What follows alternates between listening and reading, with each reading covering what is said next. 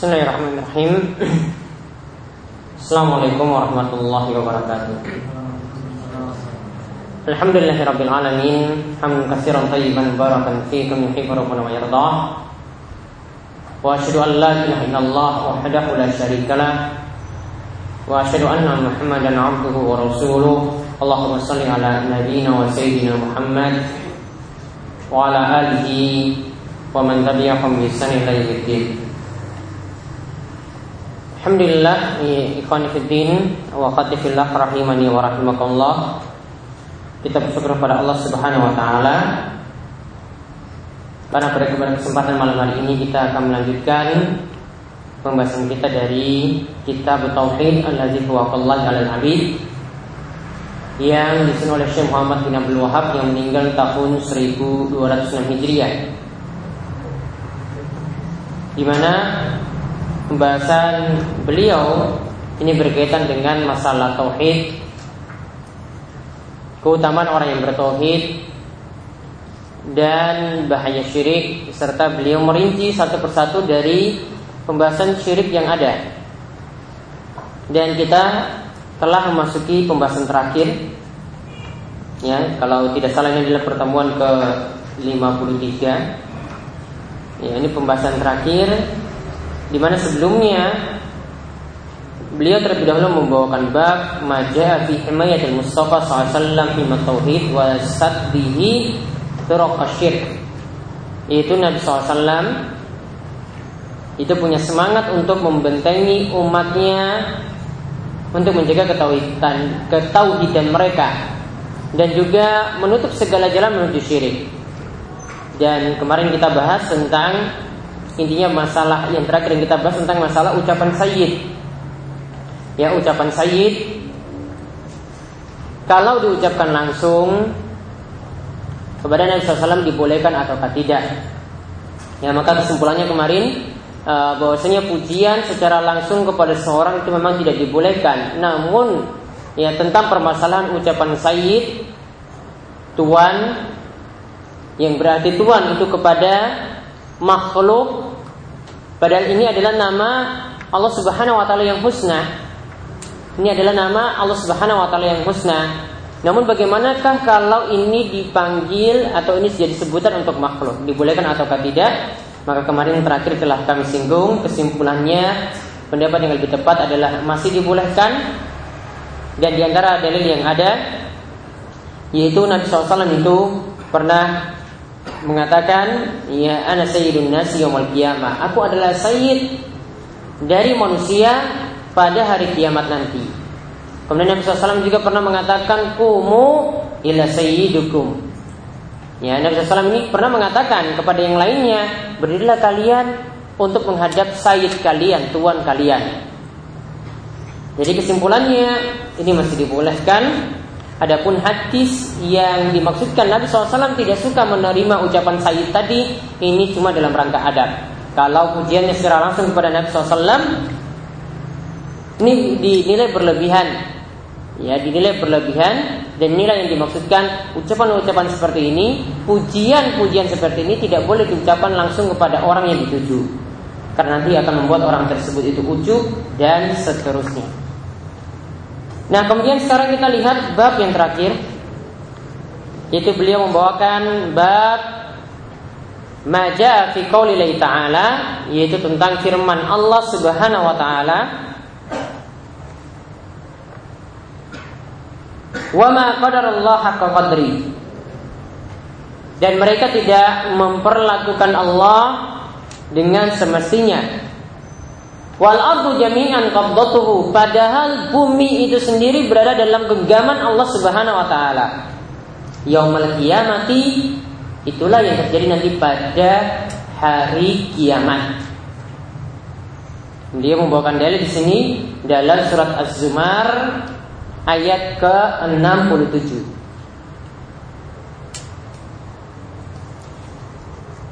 Jadi beliau ingin menutup kitab tauhid Ya, sekali lagi beliau Syekh Muhammad rahimahullah menutup kitab tauhid setelah menjelaskan tentang berbagai macam kesyirikan dan perintah kepada kita untuk bertauhid, beliau ingin tutup ya dengan pembahasan bagaimanakah agungnya Allah Subhanahu wa taala. Bagaimanakah maha besar Allah Subhanahu wa taala.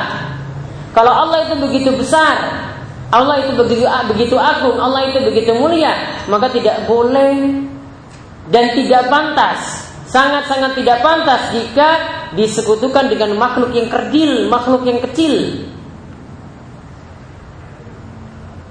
Ini Allah Subhanahu wa taala yang Maha besar seperti itu. Coba bayangkan kalau ada yang besar seperti itu kemudian disekutukan dalam masalah ibadah dengan makhluk-makhluk yang kecil. Tentu saja tidak pantas sekali. Maka beliau bawakan ayat ini wa ma qadarullah qadri wal ardu jami'an qabdatuhu yaumil qiyamah. Was samawati matwiyatun bi yamini subhanahu wa ta'ala amma yusyrikun. Itu mereka tidak memperlakukan Allah dengan semestinya. Padahal di sini lihat ditunjukkan bagaimanakah maha besar Allah.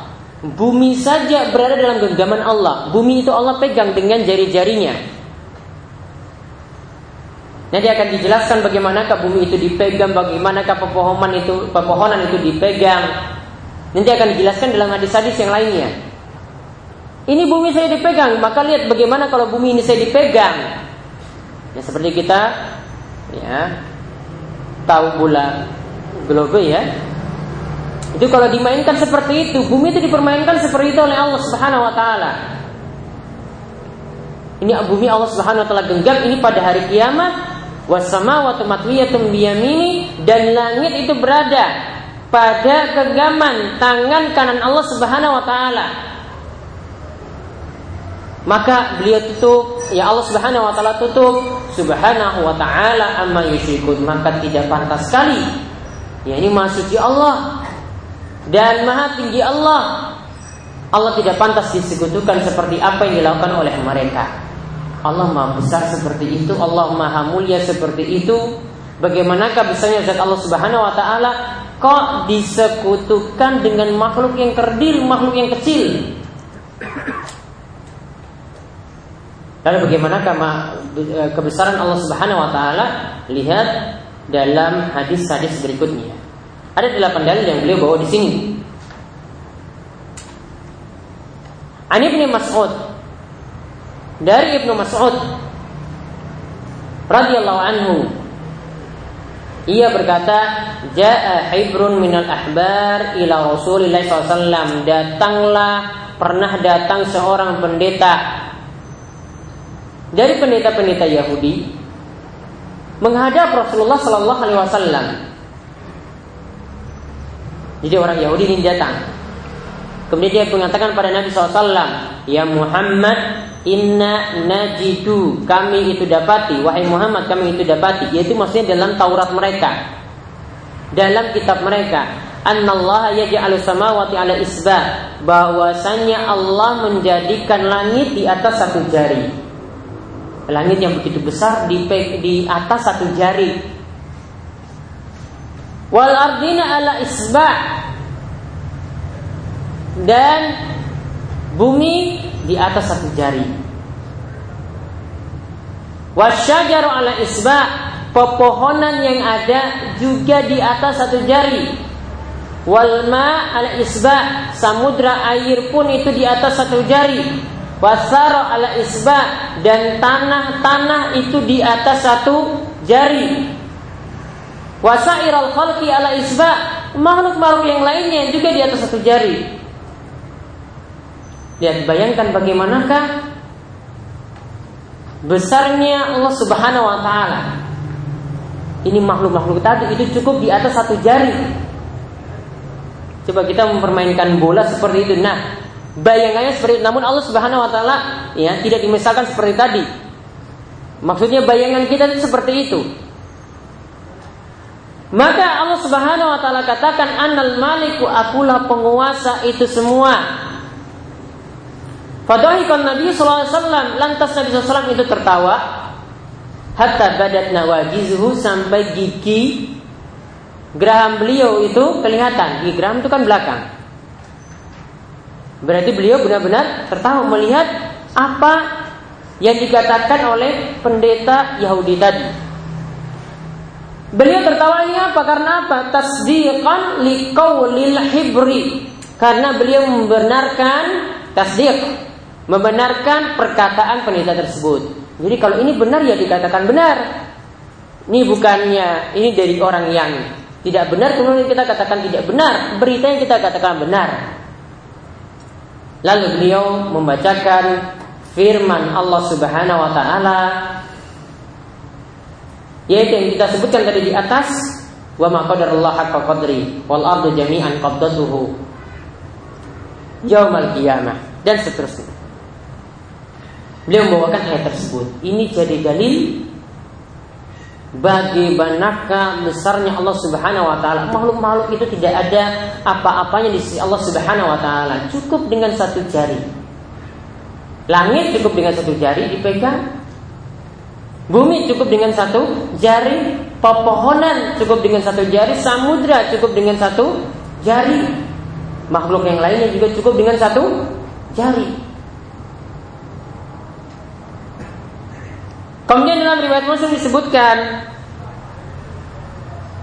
wal jibala wasyajara ala isba gunung-gunung yang besar-besar itu ya gunung-gunung yang besar-besar itu ya itu ala isbat di atas satu jari dan pepohonan di atas satu jari. Jadi gunung dan pepohonannya itu di atas satu jari. Summa yahuzuhunna fayaqul anal maliku anallah. Kemudian tadi gunung dan pepohonan tadi digoyang-goyang. Digoncangkan.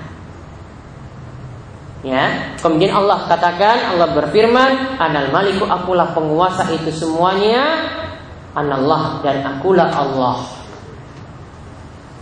Bayangkan gunung-gunung yang kita lihat itu besar. Ya, ini pun Allah Subhanahu wa taala pegang dengan jari sekaligus dengan pepohonannya yang ada. Ini gunung yang ada di seluruh muka bumi. Dipegang dengan satu jari. Dan dalam riwayat Bukhari disebutkan ya ja'alus samawati ala isba' Langit-langit dijadikan di atas satu jari. Wal ma' ala isba. Dan air serta Tanah yang ada di atas dijadikan di atas satu jari Wasairal khalqi ala isba Makhluk-makhluk yang lainnya di atas satu jari.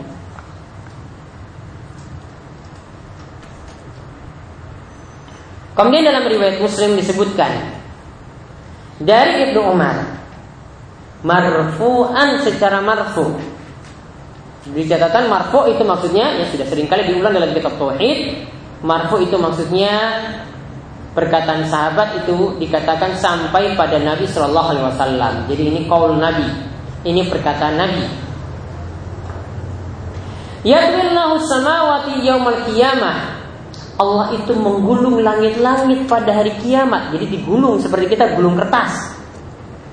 Jadi kalau gulung itu kan kalau dikatakan gulung seperti kita gulung kertas. Langit itu digulung pada Allah oleh Allah pada hari kiamat. Summa ya'khudhuhunna biyadil yumna.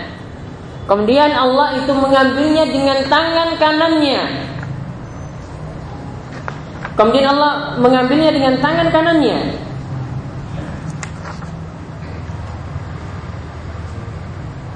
yang dimasukkan dengan tangan kanan di sini Allah itu memiliki ya tangan kanan. Tadi kalau dikatakan Allah memiliki Allah dikatakan tadi pegang bumi itu dengan jari berarti Allah memiliki jari.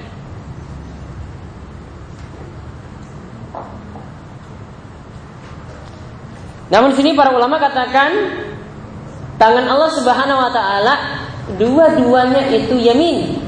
Dua-duanya itu kanan. Dan ini menunjukkan fil barokah wal khair. Ini menunjukkan keberkahan dan kebaikan. Dan yang menyebutkan demikian, ya, dua-duanya itu kanan sebagaimana terdapat dalam Sahih Muslim. Tapi nanti ada penyebutan kiri, ini cuma ibarat aja seperti yang dikatakan tadi. Ini cuma ibarat saja, intinya dua-duanya tetap kanan. Walaupun para ulama sekali lagi berselisih dalam menafsirkan tangan kanan di sini. Nah, summa yakul kemudian Allah Subhanahu wa taala katakan annal malik Akulah penguasa itu semuanya. Ainal jabbarun, di manakah orang-orang yang biasa berbuat aniaya? Ainal mutakabbirun, di manakah orang-orang yang sombong? Summa yatbil ardina sab'a. Kemudian Allah menggulung juga bumi yang tujuh lapis. Jadi tadi langit kan digulung. Bumi juga digulung. Summa yaquduhunna bishimali lalu Allah ambil dengan tangan kirinya. Namun kalau kita melihat penafsiran para ulama, ya, tadi kiri di sini berarti cuma ibarat saja, tetap juga dua-duanya kanan. Atau kita bisa katakan diambil dengan tangan yang lainnya. Kiri ini dikatakan tangan yang lainnya, tapi dua tangan Allah Subhanahu wa taala itu kanan. Nah, sumayakul Allah katakan lagi setelah menyebutkan seperti itu annal malik akulah penguasa itu semua ainal jabbarun di mana orang-orang yang biasa berbuat aniaya? Wa ainal mutakabbirun dan di manakah orang-orang yang sombong? Maka lihat bagaimana kama besarnya Allah Subhanahu wa taala. Langit digulung-gulung. Jadi cuma dibuat seperti mainan saja. Bumi digulung-gulung juga. Berarti ini makhluk yang, di, yang dianggap kecil di sisi Allah Subhanahu wa taala. Kalau kita menganggapnya itu langit itu begitu besar, begitu luas. Bumi juga demikian. Apalagi anggapan Allah Subhanahu wa taala terhadap kita. Kalau Allah Subhanahu wa taala maha besar seperti itu maka makhluk itu sangat-sangat kecil sekali di sisi Allah Subhanahu wa taala. Kok masih ada yang berbuat syirik seperti itu dengan makhluk yang tidak ada ukurannya dibandingkan Allah Subhanahu wa taala. Waruya ani Ibnu Abbas dan disebutkan lagi diriwayatkan dari Ibnu Abbas ia berkata masa masa mawatu sab'u wal arduna sab'u fi kafir rahman illa ka khardalatin fi yadi ahadikum. Bayangan untuk langit yang tujuh lapis. Berarti dapat kita simpulkan langit itu ada tujuh lapis. Dalam pelajaran kita juga dalam pelajaran mempelajari tentang langit juga sama seperti itu. Langit itu ada tujuh lapis. Wal arduna sab'u dan bumi yang tujuh lapis. Itu semua fikafir rahman cukup dalam genggaman telapak tangan ar-Rahman Allah Subhanahu wa taala. Anggapannya seperti apa? Anggapannya seperti kahordalatin via di ahadikum, seperti biji sawi. Tahu biji sawi kecil kan? Via di ahadikum di tangan kalian. Coba lihat, kalau ada biji sawi itu lihat bandingannya itu bagaimana? Kecil. Dibandingkan dengan tangan kita. Maka anggapannya langit dan bumi tadi ingat langit yang tujuh lapis, bumi yang tujuh lapis. Allah menganggap seperti itu. Yang kita lihat kalau biji sawi ini bandingkannya dengan tangan kita kecil sekali. Maka Allah Subhanahu wa taala melihat makhluknya seperti itu kecil. Kok ada yang berbuat syirik menyekutukan Allah Subhanahu wa taala dengan makhluk yang lainnya? Dia beribadah tujukan doa kepada makhluk yang kecil seperti itu. Dia tujukan sembelihan kepada makhluk yang tidak bisa berbuat berbuat apa-apa bandingkannya dengan Allah Allah Maha besar. Kemudian kita lihat lagi perkataan dari Ibnu Jarir. Haddatsani Yunus telah menceritakan kepadaku Yunus Anba'ana Ibnu Wahab dan Ibnu Ahmad telah Ibnu Wahab telah menceritakan kepada kami. Kal ia mengatakan, Kala Ibnu Zaid, Ibnu Zaid itu telah menceritakan hadatsani abi. Ya ayahku telah menceritakan padaku bahwasanya ia berkata Rasul Shallallahu alaihi wasallam itu bersabda, Mas samawati sab'u fil kursi. Langit ini dibandingkan dengan kursi Allah. Ya Allah memiliki kursi wasi'a kursi yus samawati wal ard. Kursi itu bandingannya adalah seluas langit dan bumi. Nah di sini lihat langit yang tujuh Ini fil kursi bandingannya dengan kursi Allah illa kadarahim sab'atin ulkiyat fitursin itu bandingannya adalah seperti ada tujuh dirham. Ini uang-uang logam. Taruhlah seperti itu uang-uang logam yang dilemparkan di sebuah tursin perisai. Dilempar situ koin tersebut. Ini bandingan apa? Langit dan kursi Allah. Artinya kursi Allah lebih besar daripada langit dan Allah itu lebih besar daripada kursinya. Artinya di sini Allah tidak butuh pada kursi. Kalau kita kan dengan kursi tidak mungkin kan, ya kita itu lebih besar daripada kursi tidak mungkin. Bokong kita tidak mungkin lebih besar daripada kursi tidak mungkin. Namun kalau Allah, Allah maha besar lebih besar daripada seluruh makhluknya termasuk terhadap kursinya. Dan ini menunjukkan bahwasanya Allah tidak butuh pada kursi. Nah kursinya ini sendiri kursi Allah Subhanahu Wa Taala ini dibandingkan dengan langit, langit masih kalah jauhnya. Bandingannya tadi seperti tujuh buah uang dirham, koin. Ini dilemparkan di sebuah perisai. Berarti menunjukkan langit pun masih kalah. Apalagi langit ini dibandingkan dengan manusia. Manusia lebih kalah jauhnya lagi.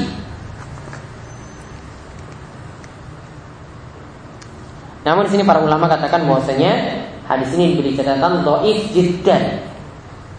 Riwayat Ibnu tadi itu hadisnya dhaif jiddan, hadis mursal.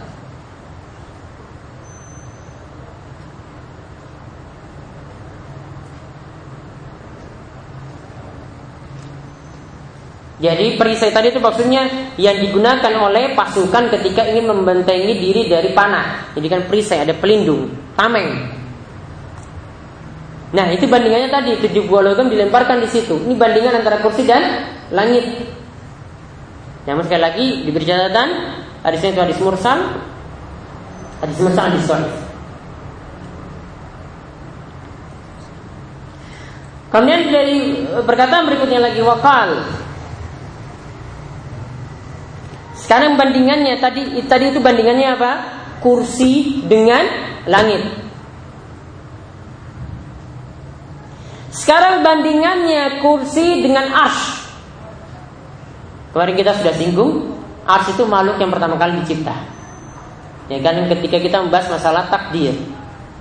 Arsh itulah makhluk yang sebenarnya pertama kali dicipta. Sedangkan Allah Subhanahu wa taala itu katakan ketika menciptakan pena maka tulislah itu maksudnya ketika pena itu diciptakan bukan makhluk yang pertama kali itu adalah pena bukan makhluk pertama kali itu adalah kolam tapi makhluk pertama kali adalah ars.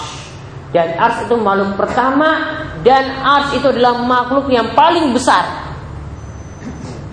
Ini makhluknya loh, ini makhluk Allah. Dan Allah kalau dikatakan Allahu Akbar, Allah lebih besar daripada arsnya. Ars itu ibarat singgah sana. Allah lebih besar daripada arsnya. Nah sekarang ingin dibandingkan ars ingin dibandingkan dengan kursi. Dikatakan, dikatakan oleh Abu Dzar radhiyallahu anhu bahwasanya aku pernah mendengar Rasulullah SAW bersabda.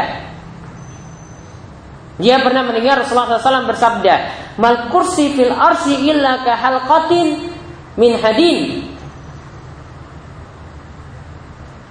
Yang namanya kursi dibandingkan dengan ars itu ibaratnya seperti halqatin ya seperti cincin dari besi.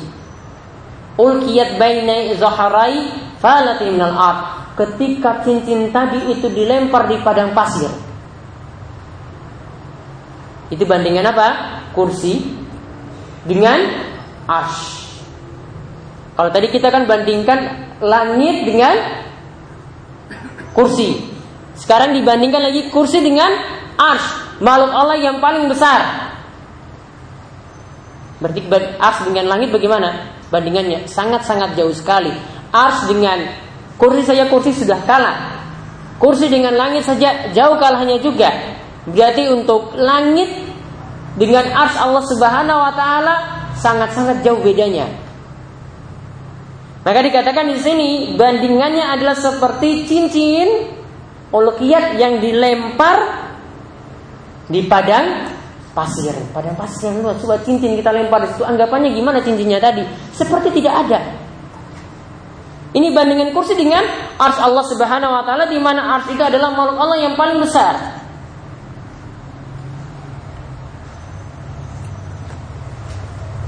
Namun saya Shalih Al itu katakan bahwasanya di sini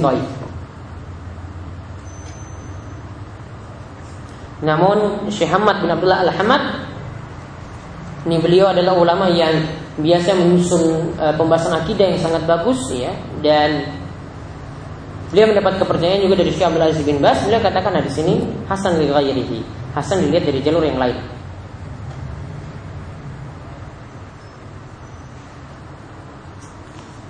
Jadi sini Syekh Muhammad ingin menunjukkan bagaimanakah besarnya Allah Subhanahu wa taala, makhluk-makhluknya tadi saja, langit yang kita anggap itu besar, itu tidak ada bandingannya dengan makhluk-makhluk Allah yang lainnya seperti dengan kursi, seperti dengan ars Allah Subhanahu wa taala, apalagi dengan Allah.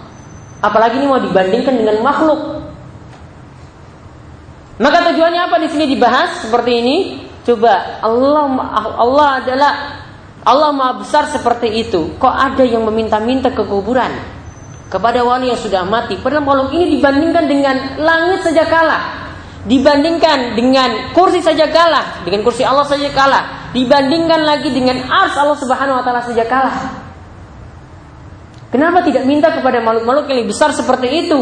Kok minta sama yang kerdil seperti ini yang tidak bisa mendatangkan manfaat dan yang tidak bisa menolak mudarat? Kemudian di riwayat yang berikutnya lagi dari Ibnu Mas'ud. Ia berkata, "Baina sama'i dunya wallati taliha khamsumi'ah am." Antara langit dunia dan lapisan yang berikutnya itu jaraknya khamsumi'ah am, yaitu 500 tahun. Wa baina kulli sama'i khamsumi'ah am dan di antara lapis langit Langit kan tadi berapa lapis? Tujuh di antara lapis langit itu jaraknya khomsu mi'ah am 500 tahun. Wa baina sama'i sabiya wal kursi. Di antara langit yang ketujuh, ini yang atas paling atas kan langit yang ketujuh dengan kursi, di atasnya itu ada kursi. Itu jaraknya khomsu mi'ah am 500 tahun. Wa kursi wal ma' di atas kursi itu ada samudra air. Jaraknya itu adalah 500 tahun. Wal arsy fawqal ma dan ars Allah itu terletak di atas samudra air. Wallahu fawqal ars dan Allah itu berada di atas arsnya.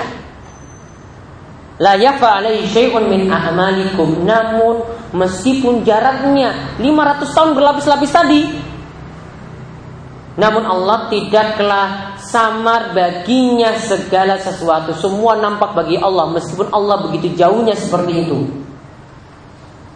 Semuanya nampak bagi Allah. Dan ini sekaligus juga membantah keyakinan Allah itu berada di mana-mana. Karena Allah itu tidak butuh berpindah tempat supaya tahu manusia itu berbuat ini, berbuat itu. Kalau seperti itu berarti nganggap ilmu Allah itu kerdil. Nganggap ilmu Allah itu ke kecil, ada di situ baru tahu. Jadi seseorang yang menolak sifat Allah Subhanahu wa taala yang maha tinggi, dia akan menolak sifat-sifat yang lainnya. Ilmu Allah yang begitu luas, segala sesuatu yang tidak samar bagi Allah Subhanahu wa taala, dia nanti akan menolaknya lagi. Mana yang lebih mantap? Allah itu jauh tapi tahu ataukah Allah itu dekat, ada di mana-mana baru tahu? Itu saja yang jauh. Nah, kaitannya di sini apa? Kalau tadi makhluk-makhluk yang disebutkan oleh Syekh tadi dalam hadis-hadis yang lainnya tadi ada langit, ada kursi, ada arsh. Itu adalah makhluk-makhluk yang besar dan Allah itu berada di atas arsnya. Maka tentu saja Allah Subhanahu wa taala itu lebih besar daripada itu semuanya. Allah itu lebih besar daripada itu semuanya sehingga Maha tahu apa yang ada di bawah-bawahnya tadi. Yang terjadi di langit, yang terjadi di bumi, yang terjadi di bawahnya, semuanya Allah Subhanahu wa taala itu tahu. Keilmuan Allah inilah yang menunjukkan Allah itu maha besar. Kemudian akhrajahu Ibnu Mahdi an Hamad bin Salama an Asim an Zar an Zir An Abdullah juga dikeluarkan oleh Ibnu Mahdi dari Ahmad bin Salamah dari Asim dari Zid dari Abdullah. Wa bin nahwihi dan juga diriwayatkan semisal itu Al Mas'udi ya diriwayatkan oleh Al Mas'udi dari Asim dari Abi Wa'il dari Abdullah dan Al Hafiz Adzabi rahimahullah juga menyebutkannya. Qal walau turuk dan ia mengatakan hadis ini memiliki banyak jalan.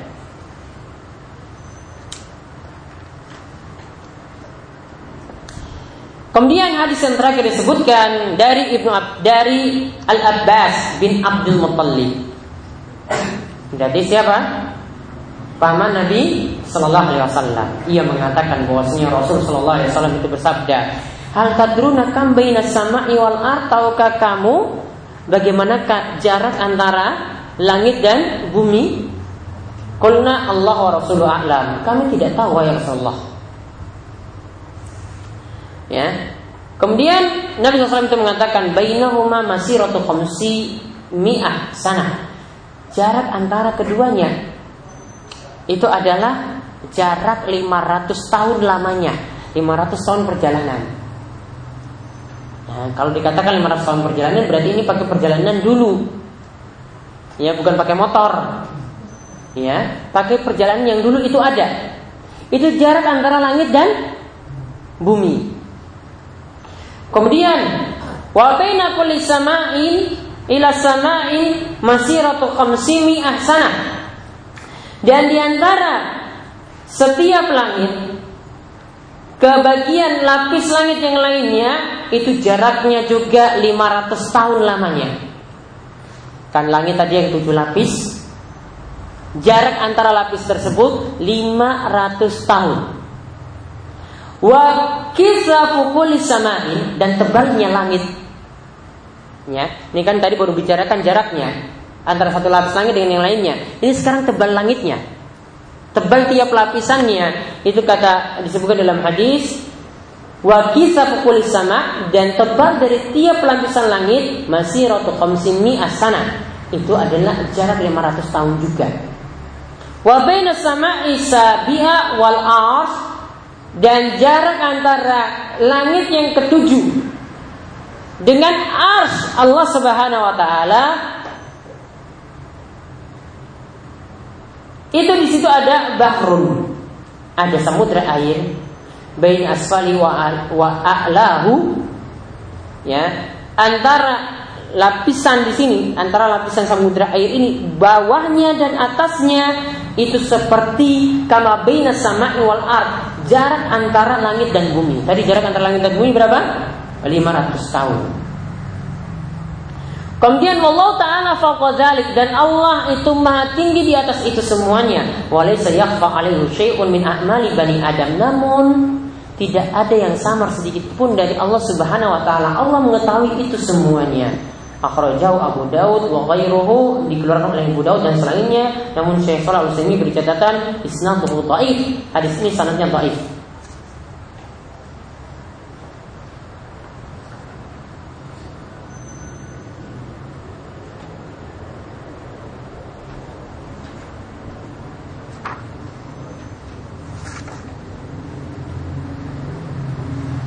Namun lihat di sini, yang kita lihat pelajaran yang bisa kita ambil di sini, ini menunjukkan bagaimanakah besarnya makhluk-makhluk Allah.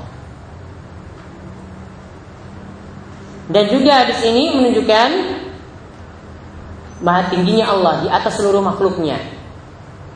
Jadi ini jadi dalil yang sangat-sangat tegas tentang ketinggian Allah Subhanahu wa taala. Allah bukan berada di muka bumi, Allah itu bukan berada di mana-mana, Allah bukan berada di batin setiap manusia. Namun Allah Maha Tinggi atas itu semuanya. Dan yang harus diyakini juga, walaupun Allah itu Maha Tinggi seperti itu, ditutup dalam hadis dikatakan tadi, walaysa yakfa alaihi syai'un min a'mali bani Adam. Tidak ada yang samar sedikit pun dari amalan-amalan manusia. Allah tahu meskipun jauh. Maka ini menunjukkan maha luasnya ilmu Allah Subhanahu wa taala. Sebagaimana disebutkan juga dalam hadis yang sebelumnya.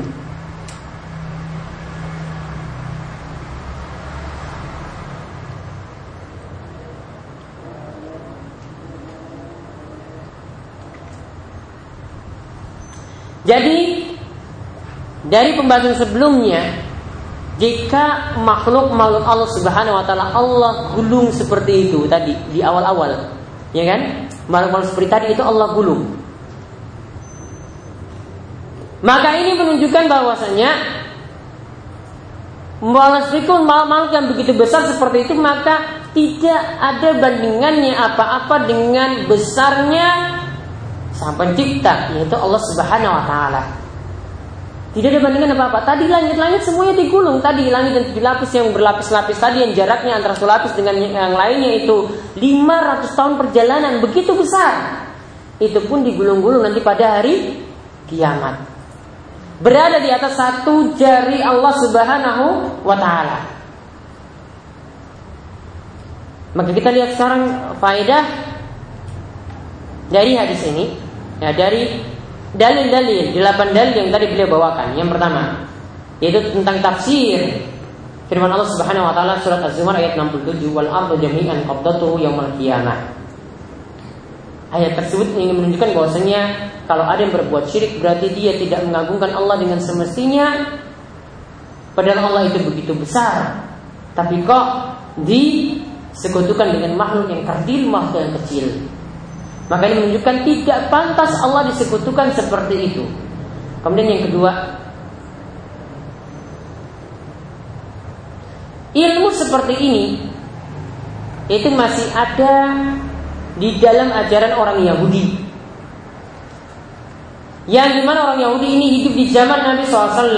Lam yungkiruha Dan mereka tidak mengingkarinya. Walam yata'awwaluha. Dan mereka juga tidak menafsirkannya dengan tafsiran yang lainnya. Tadi tentang penyebutan jari. Mereka tidak tafsirkan dengan penafsiran yang lainnya. Jari itu maksudnya apa? Allah memegang dengan satu jari itu maksudnya apa? Mereka terima begitu saja tanpa mentakwil seperti yang dilakukan oleh orang-orang Asy'ariyah, orang-orang Jahmiyah. Ya, yang ini mereka ngaku sebagai umat Islam. Umat Yahudi memperlakukan ayat-ayat atau hadis-hadis yang menyebutkan tentang jari, tentang tangan, memperlakukannya seperti itu, dimaknakan seperti itu. Kita tahu maknanya. Namun hakikat bentuknya itu seperti apa, kita tidak mengetahuinya. Jadi tidak boleh diingkari tidak boleh ditakwilkan, tidak boleh diselewengkan maknanya ke makna yang lainnya. Azan lebih dulu.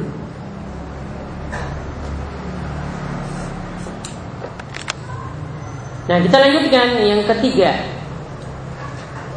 Anak hibrah Yaitu pendeta yang tadi Menceritakan isi Taurat kepada Nabi SAW Lama zakarali Nabi SAW Sadaqahu Ketika dia menceritakan isi Taurat tersebut pada Nabi SAW, Nabi membenarkannya.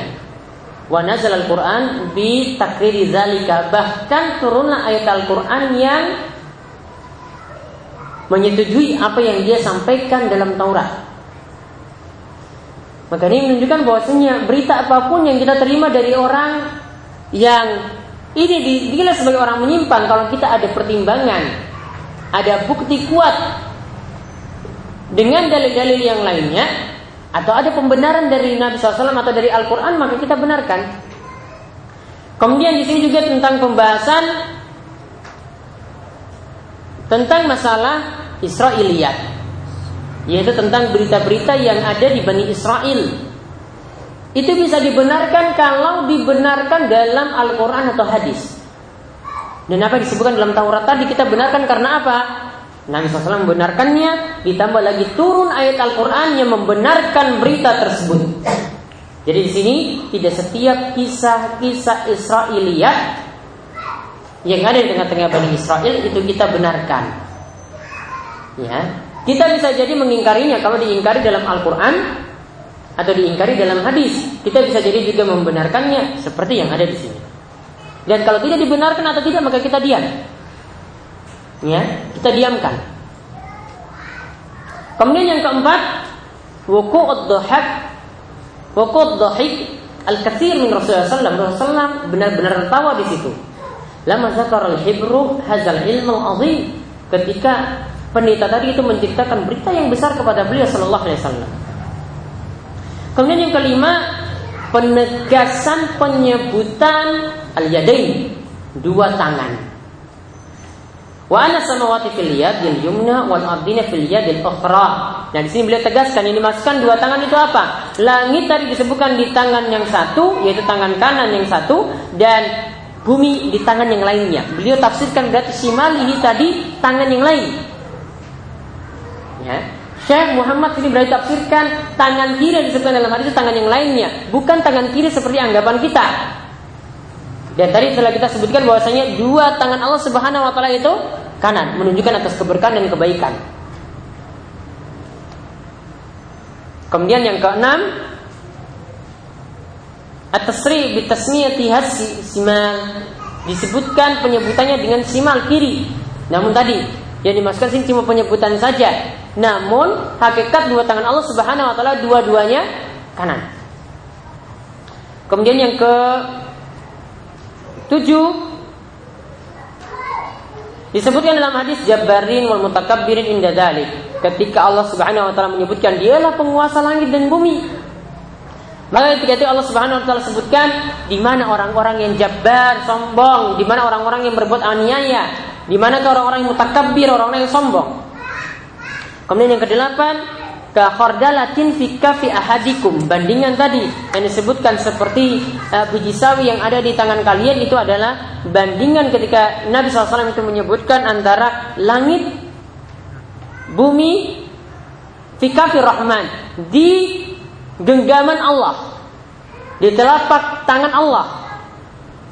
Bandingannya apa langit dan bumi tadi? Seperti biji sawi yang ada di tangan kalian.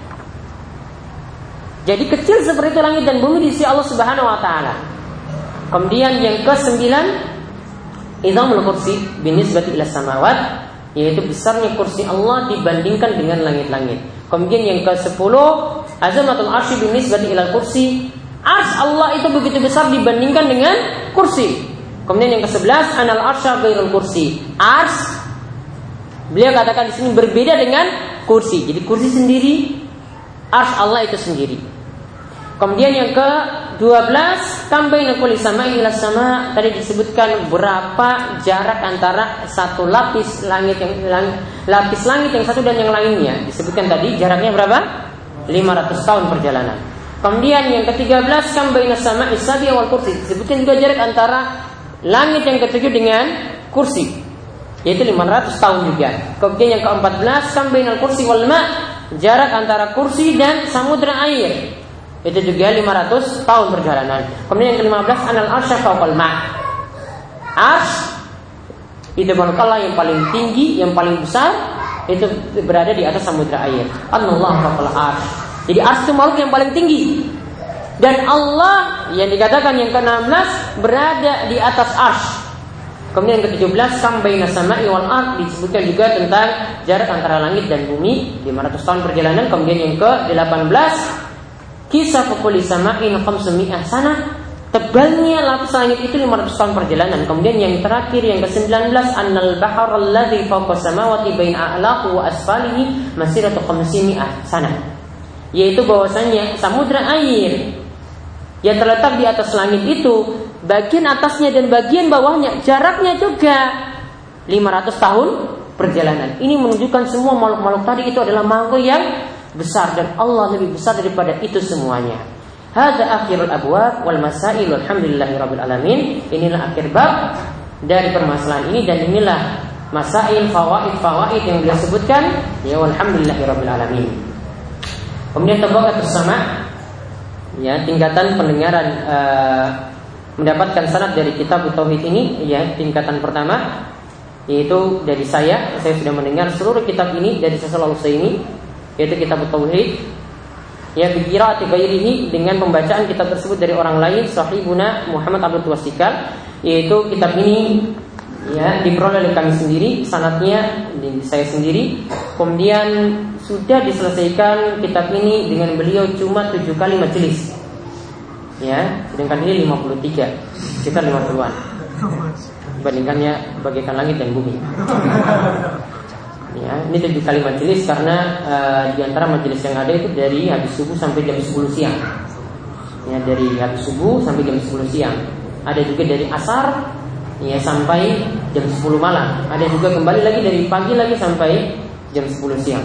Seingat saya seperti itu. Ya. Kemudian ini dapat sanad seperti itu dari Syekh Sahih Dzalika wa katabahu Saleh bin Abdullah bin Hamad Al-Utsaimin.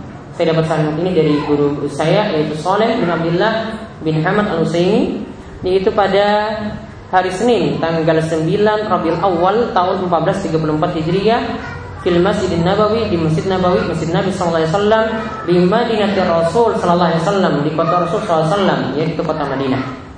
Ya, kemudian tabaqat tsaniyah tingkatan yang kedua yaitu tingkatan dari antum sekalian sami aliyah telah mendengar dariku kalau tulis semua tulis jami' kalau cuma sebagian ya nisfu kalau tulis ya kalau sebagian besar tulis aksar. Aksar. Kitab tauhid ya.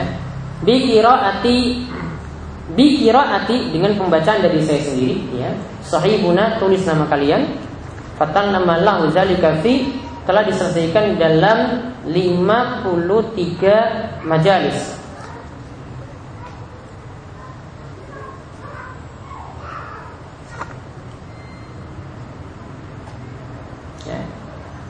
Fi ya salah sama khamsin majlisah. Kemudian bihaki riwayatin lahu ya dengan riwayat dari saya ya an saleh nanti di riwayatin lahu pada poin nomor satu itu yang ada footnote nomor satu. Tulis nama saya Muhammad Abdul Wasikal an Saleh bin Abdullah bin Hamad al Husaini dari guru saya yaitu Saleh bin Abdullah bin Hamad al Husaini ghafarallahu lahu wa rahimahu. Ya semoga Allah itu mengampuninya dan juga merahmatinya.